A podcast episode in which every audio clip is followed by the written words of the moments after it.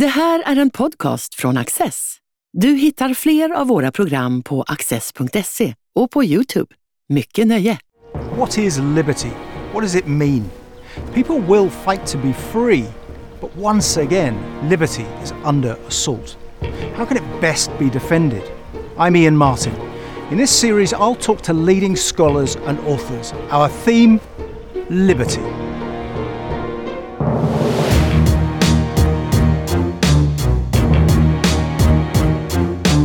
Merryn Somerset Webb is a leading British journalist and a contributing editor at the Financial Times, where she writes a weekly column. Her most recent book, Share Power, is a rallying cry for shareholder power and economic liberty. Is the rise of so called ethical investing, or ESG, a threat to prosperity and freedom? We're going to talk about economic liberty. Let's go back to Adam Smith. In 1776, Adam Smith warned of the dangers of limited liability companies. Could you explain what he thought the problem might be? Yeah, no, the, limited liability companies were only sort of really coming into their own at the time when, when Adam Smith was writing. And they were an incredibly new idea the idea that you could invest in a company and that your losses would be limited only to what you put in, uh, which sounds completely normal to us now, right? You can't, you can't be forced to pay up for the losses of a company beyond what you've put in. But at the time, it was very new, very novel, and seemed a little dangerous, right? Because what it, what it meant was that you could get together huge numbers of shareholders for a company, not just a couple of rich people, but you could spread the shareholder base across countries, uh, you know, across across everything, different different levels of wealth, different geographical locations, etc. And you would then delegate the management of a company to a board of directors and to a professional manager. And that again, that sounds to us completely normal, but at the time, Adam Smith looked and he thought, well, hang on a tick. Then suddenly, the shareholders have delegated all these all their power to a person who's going to run the company, but for him it will be other people's money. So he might not run it in the way that they might have run it. And that creates an agency problem and a, and a separation. And he felt that could be a long term problem, which actually it, it has been a long term problem, but nothing compared to the problems that he couldn't imagine. But it's a revolutionary idea which has upsides as well. What are they? Oh, I mean, one of the greatest uh, conceptual innovations of all time. I mean, if you look around you, everything you see is, is created by the building block of the limited liability company. Without that, we would have none of the amazing entrepreneurialism that we've seen over the last couple of hundred years. We'd have seen uh, none of the great leaps of faith that people make when they know they can only lose what they've put in. And when you can create a company that can effectively be a perpetual entity, because before you had the limited liability company and the ability to trade shares, as I say, between peoples and between geographies, a company could only last for a limited amount of time. You know, it could do one job. Whereas now a company can, can do anything and it can change, it can morph, it can move businesses, move sectors, move countries, and it continues to exist thanks to the backing of capital holding shareholders. So it's a revolutionary idea which Absolutely. helps it helps power the industrial revolution. It's at the heart of what happens in terms of the uh, railways and the expansion of rail network and transport. So it's an essential idea, but there's a problem. Where does that problem really start to rear its head, do you think? Well, you have the, the problem that Adam Smith worried about existed from the beginning the idea of manager, what you might call managerial capitalism, that rather than the end owners of capital controlling what happens inside a corporation, it's the manager who controls it. And that was a problem throughout the 60s, 70s, much discussed. You know, how do we control these managers who have effectively taken ownership of big companies? And the solution to that was the idea of shareholder capitalism, whereby shareholders gave managers one goal and one goal only make us money make us money. And we judged uh, companies and we judged the managers of companies purely on the profits that they could bring home to shareholders, which you may say is satisfactory, you may, sh- may say is not satisfactory. That's changed over time, over the last uh, few decades, as people have begun to say, well, hang on, that's not enough. It's not enough. Companies should do more than just make money. And at the same time, as that idea that companies should do more than just make money, they should be part of communities, they should care about their customers, their clients, their suppliers, and some vague sense of, of community at the same time time, there's been a, a shift in power among the shareholder base. So previously, if you were a shareholder, you were an individual, you knew you were a shareholder, perhaps you had a bit of paper that said you were a shareholder, etc. And you knew you could vote at the AGM every year, that kind of thing. Uh, now, the majority of us, we hold the equities that we have. And by the way, the majority of us in, in the developed world do hold equities one way or another through various um, schemes set up by our governments and in particular through our pension schemes. We are one way or another holders of equity. We participate in what should be a shareholder democracy. However, we no longer hold our shares directly. We tend to hold them as units in a fund. And that means that we have effectively delegated all the power that we have and the vote that we have to the fund manager industry. So now we have across, across the developed world a small group of very large fund management companies who effectively control enough votes to control the majority of large companies in the world, or certainly to have a very strong influence on the way the majority of the companies in the world behave. So if you look back to the days of what Adam Smith worried about, managerial capitalism, you could have a very powerful manager, but of course he could only control one company, just one. But if you have an incredibly powerful fund manager, they can't just control one company, they can control every company. Now, this is something, of course, that Adam Smith could, could not have foreseen, and then, of course, no one could have foreseen the, the extraordinary rise of this industry uh, 300 years ago. But here we are now, today, in a situation where there is a genuine challenge to democracy because you have these groups, this limited number of enormous groups, a very large oligopoly, effectively, controlling uh, the way that companies behave. So, back with Smith, the original concern is that, look, it's your money, but you don't really have control over it because the manager class might decide that effectively they know better than you and they'll run the company as they see fit. Now, there's this global class you describe which controls all companies. I mean, talk us through that oligopoly you mentioned a moment ago. I mean, which firms are you talking about? Well, How the, concentrated the, is it? Yeah, the really big ones um, are BlackRock, Vanguard, State Street, etc. And uh, it's partly to do with the huge rise of passive investing. So people just, you know, they chuck their money into in mm. index trackers of one kind or another, exchange traded funds, etc. Um, and they just leave it there for the fund managers to, to take care of. And that's worked very well over the last 20 years or so. But the problem, well, there are many, many problems, but one of the bigger problems at the moment is that until relatively recently, I don't think we thought very much about the way fund managers had effectively taken over the world, right? Because they were believers in shareholder capitalism. So what they were doing was thinking, well, you know, our job is to make sure that the companies in which we are invested make as much money as possible uh, over the long term so that we can return that money to our unit holders or our shareholders. So they became effectively a middleman for the funneling of profits. Mm-hmm. But it seems to work for decades, and this industry is getting bigger and bigger. Work. What then changes? Is this where we get to ESG? And you'll have to explain to us what ESG is. It's a term we hear a lot.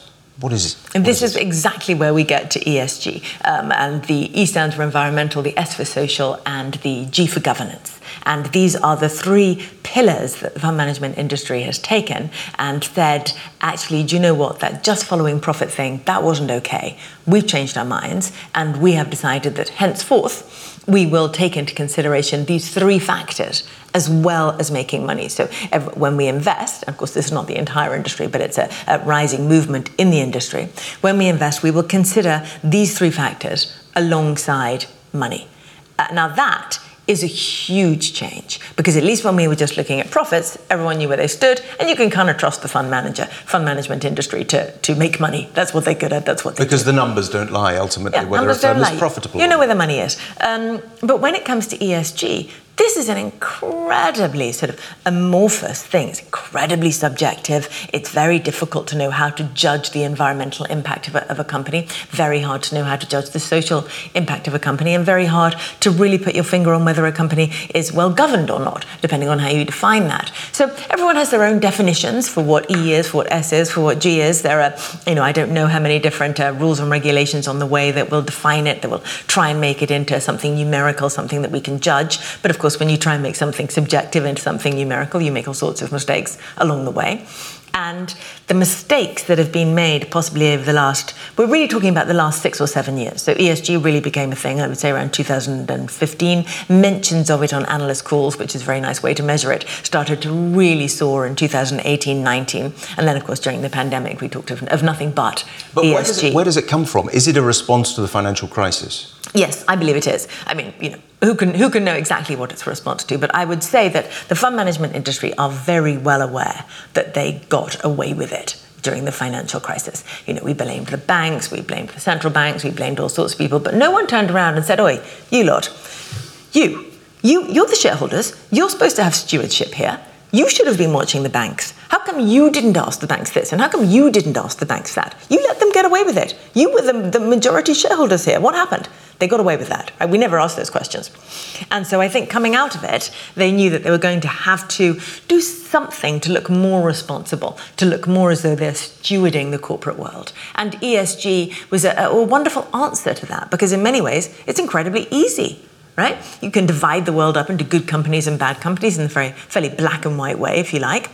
And since ESG was introduced as a concept, and let's let's take 2015 as, as the beginning. I mean, there were lots of sustainable investing and ethical investing before that, but we must be careful to separate ethics and ESG because we can't count ethics, but we can try and count ESG. Right? Very different things. And of course, everyone's ethics are different.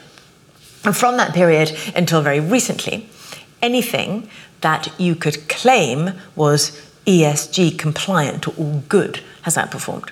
So we've been living through a period of uh, enormous outperformance of, say, technology, renewable energy, all these things that tick a million ESG boxes. So the fund management industry has been able to say, look, we've figured this out. You behave well, we invest well, uh, we follow every E and S and G metric there is, and we outperform as well. You can do good and you can do well at the same time. Why wouldn't you do that? But of course, this is the great lie of ESG, which is that if you follow these rules, and the rules, by the way, are completely amorphous and flexible, everyone has different rules, but if you, if you follow this sort of random set of rules, you can outperform and make more money. But of course, you can only do that if the stocks that you are marking as ESG perform well, and that was technology. And now, of course, the uh, growth stock environment has changed completely. Lots of these stocks have lost 10, 20, 30, 40, 50% over the last year or so. And the stocks that have been considered to be bad, very bad, of course, are rising. So suddenly ESG is underperforming and what you might call sin stocks are outperforming. So, you know, fossil fuels, mining, defense, etc. Now, defense is, is an absolute classic of the genre, okay? So, until very recently, if you asked any ESG manager or any manager who said what they like to call an ESG overlay on top of their, their stock picking, if they were invested in, in defense stocks, well, they'd be horrified. Absolutely horrified because that's, that, that, it counts as bad. Um, you know, jets use a lot of fuel, that's very bad for the environment. And uh, generally speaking, anything that, that might kill anybody is, is, is obviously bad. So the majority of fund managers would have some kind of exclusion or a conversation around defense. Then comes a war. Then comes a war. And suddenly you look at defense stocks and are they a social good? Do they fit the S? Can we just put the E aside and talk about the S? Suddenly, every fund manager out there is saying, well, actually, do you know what? Um, defense does fit into my ESG metrics.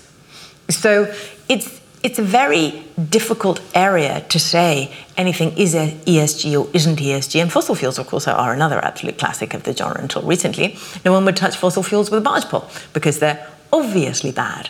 Um, but now you look at the fossil fuel industry and you say, well, hang on a tick here. I mean, as we discussed earlier, the, one of the great drivers of, of all economic growth, of all economic activity, is cheap, intense energy and that is fossil fuels, still the driver of the majority, the vast majority of economic activity globally.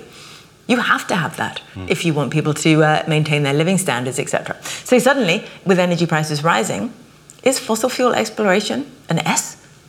Could be. So how's this playing out among fund managers at the moment globally? Are they having this discussion, this sort of live discussion mm. about defence and what to do about it? Have they come up with an answer yet? Has, has defence gone from being, as you describe it, from being a bad to being a social positive because Ukraine is defending itself? Well, a, good number of the funds that would not previously invest in defence will now invest in defence, and there is a conversation around fossil fuels as well, and there are conversations around well, I mean, it's good. There is a, a, sudden conversation around the nature of, of, ESG. What have we done? What does this mean? Why have we done this? Um, have we not thought fully through the implications of this? I mean, so for example, um, there was a, a, new fund launched the other day that talked about uh, investing mainly in energy transition enablers. So, companies that might uh, drive forward uh, the energy transition. So, one of the things that you might invest in, if that is what you're going to do, is say wind turbine blades. That seems like a, a good, good thing to do, right? But if you're going to invest in, in wind turbine blades, if that is an enabler, what about uh, rare earth metals? Um, you know, the, all, all uh, the, the metals that we've talked about over the last however, however long that now shortage of supply, these are absolutely vital for the energy transition. But mining is generally considered to be non-ESG. It's dirty, it's filthy, right? But if you really want the energy transition to work, you need a lot of really grubby metals. And if you want uh, more and more wind turbine blades, you need steel. And to make a lot of steel, you need coal. So is coal an E?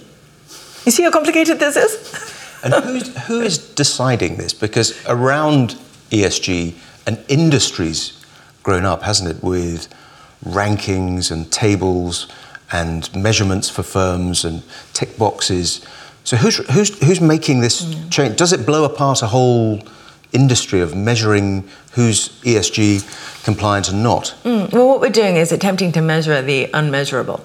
But you have to admire the fund management industry, and I do admire the fund management industry. They've taken an idea, an amorphous idea, and they have turned it into the mother of all marketing campaigns. You know, ESG has been one of the far, well, the fastest growing area of the asset management industry for some years now. They've taken it and they've created a whole new industry to tack on to the asset management industry. So every fund management company now has stewardship and uh, ESG practitioners and ESG experts are paid fortunes to make checklists and uh, write reports and uh, create uh, backward-looking models showing how ESG performs and all this kind of thing. It's a massive industry. And of course, there are also rating agencies for ESG. So you have, um, in the same way that we have credit agencies, we now have rating agencies for ESG that will look at different companies and give, give them ratings. Of course, it doesn't work because everybody uses different criteria. So if you look at the correlation uh, for uh, uh, credit ratings from the credit rating agencies, you'll see that mostly they're kind of the same. Everyone rates everything the same. There's a correlation of, of 90 or something. But if you look at um,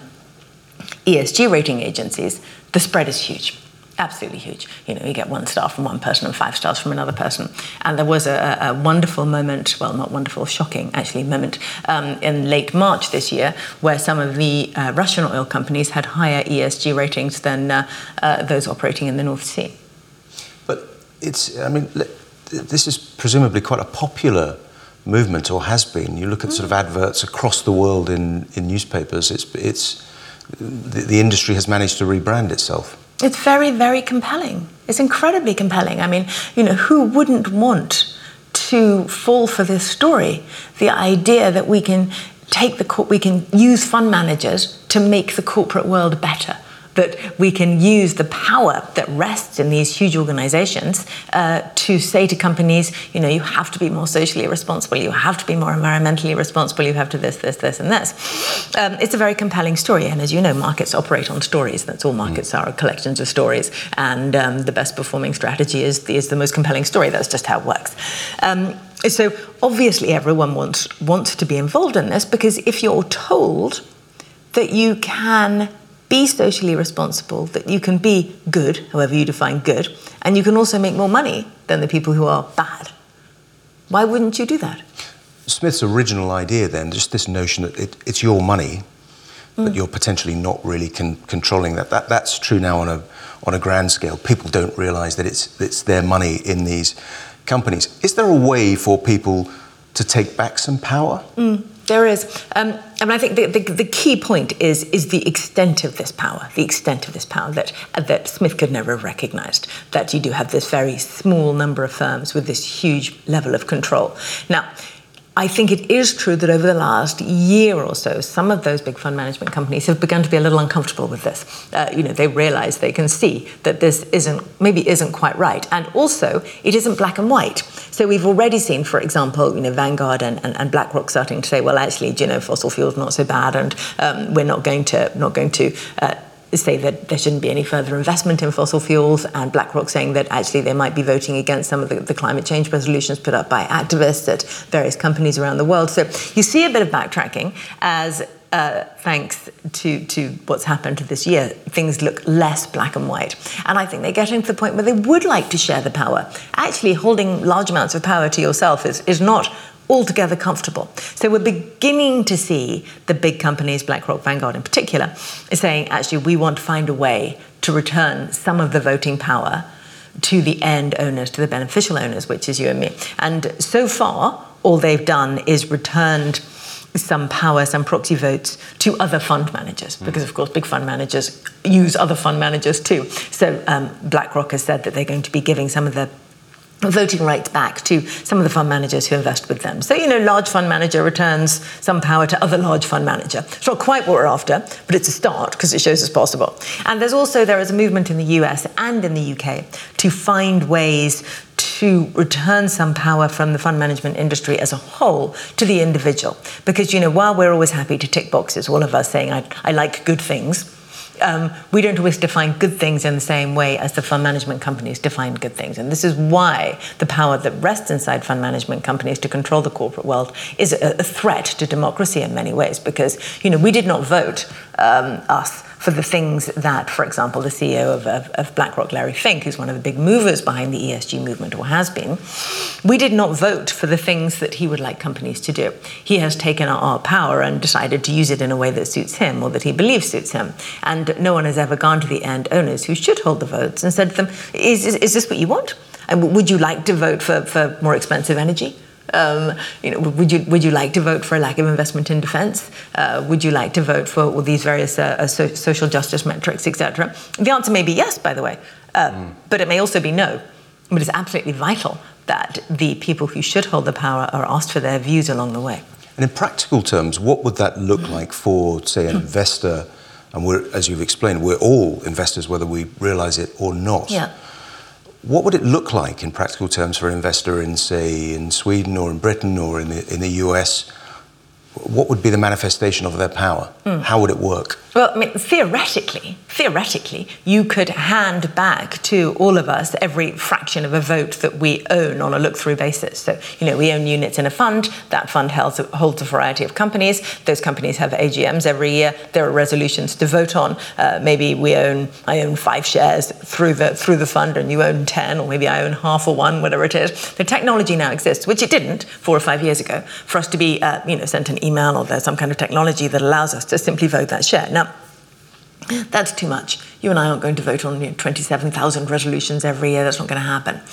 But what the big fund, fund management companies can do and should do is provide us with a, a, a simplified version of this. So there are already some companies working. There's a great little one in the UK working with the pension pension fund companies, which provides a, um, a site you can go to where you can see every single company that is held in your pension fund, uh, be it 100 or 50 or 200, whatever it is. Every single one is there. You can see what they do, and you can see what votes are coming up. And you can then express a preference about the votes that you have an interest in. And you won't have an interest in all of them. Perhaps you really don't care who the company's auditor is, but you may care about their policy on plastics or their policy on waste or their uh, policy on um, minimum wages, whatever it is. You may care about those. So you can express a preference on the site about how you would vote if you had the power to vote. Now, the fund management company then, that's not binding. They don't have to take it into account, but they'd be stupid not to, right?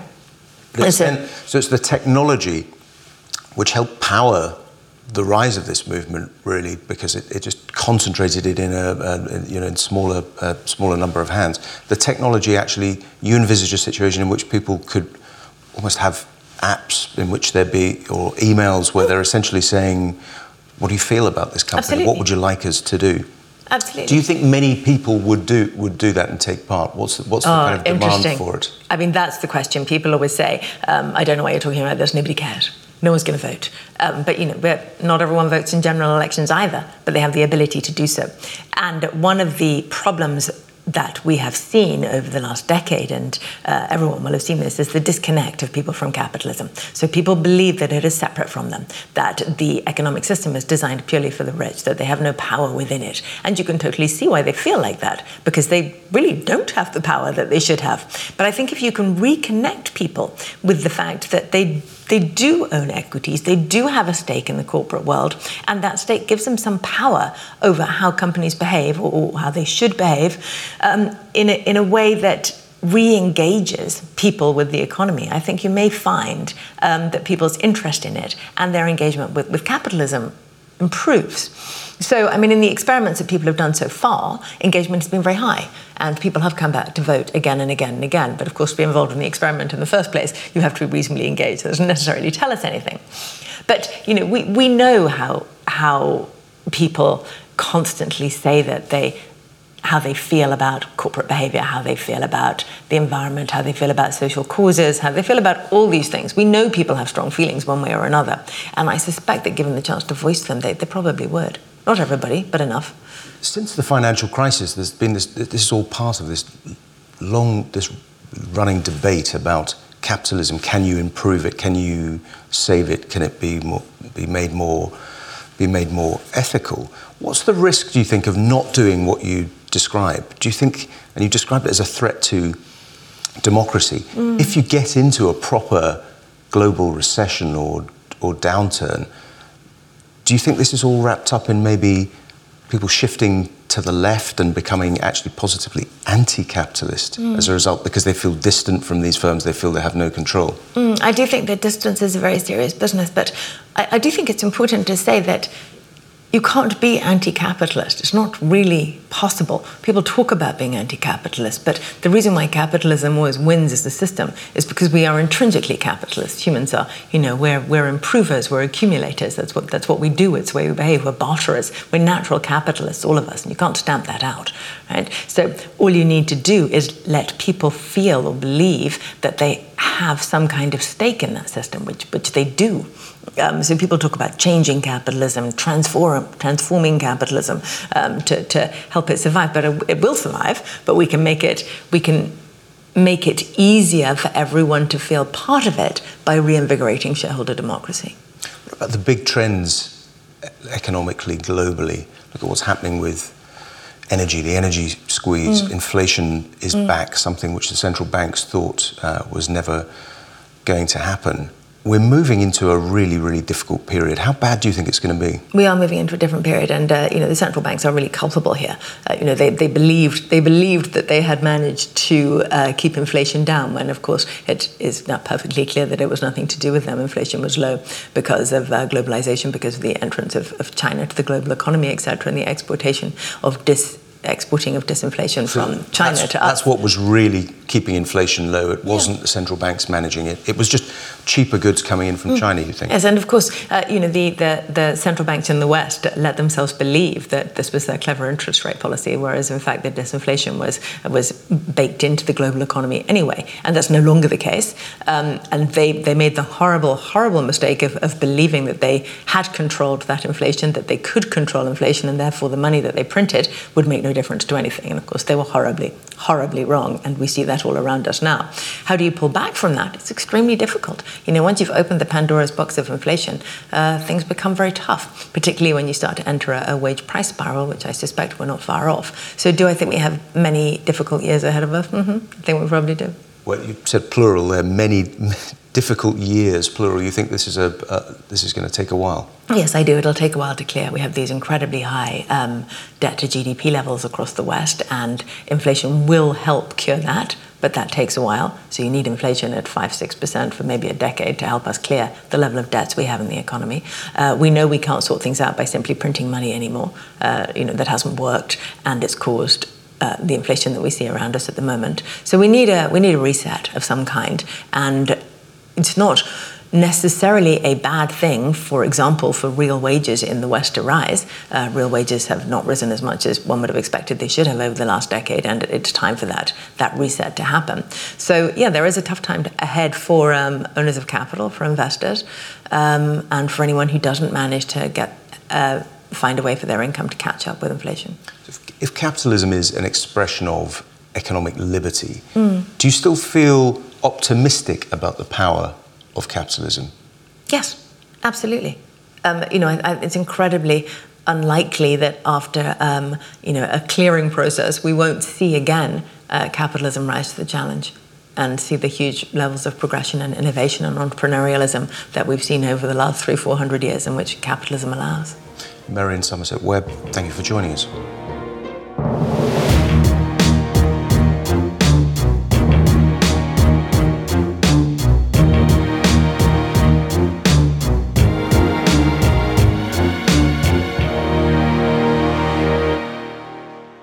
Du har just lyssnat på en podcast från Access. Du vet väl att vi också är en tv-kanal och tidning? Teckna en prenumeration idag på access.se.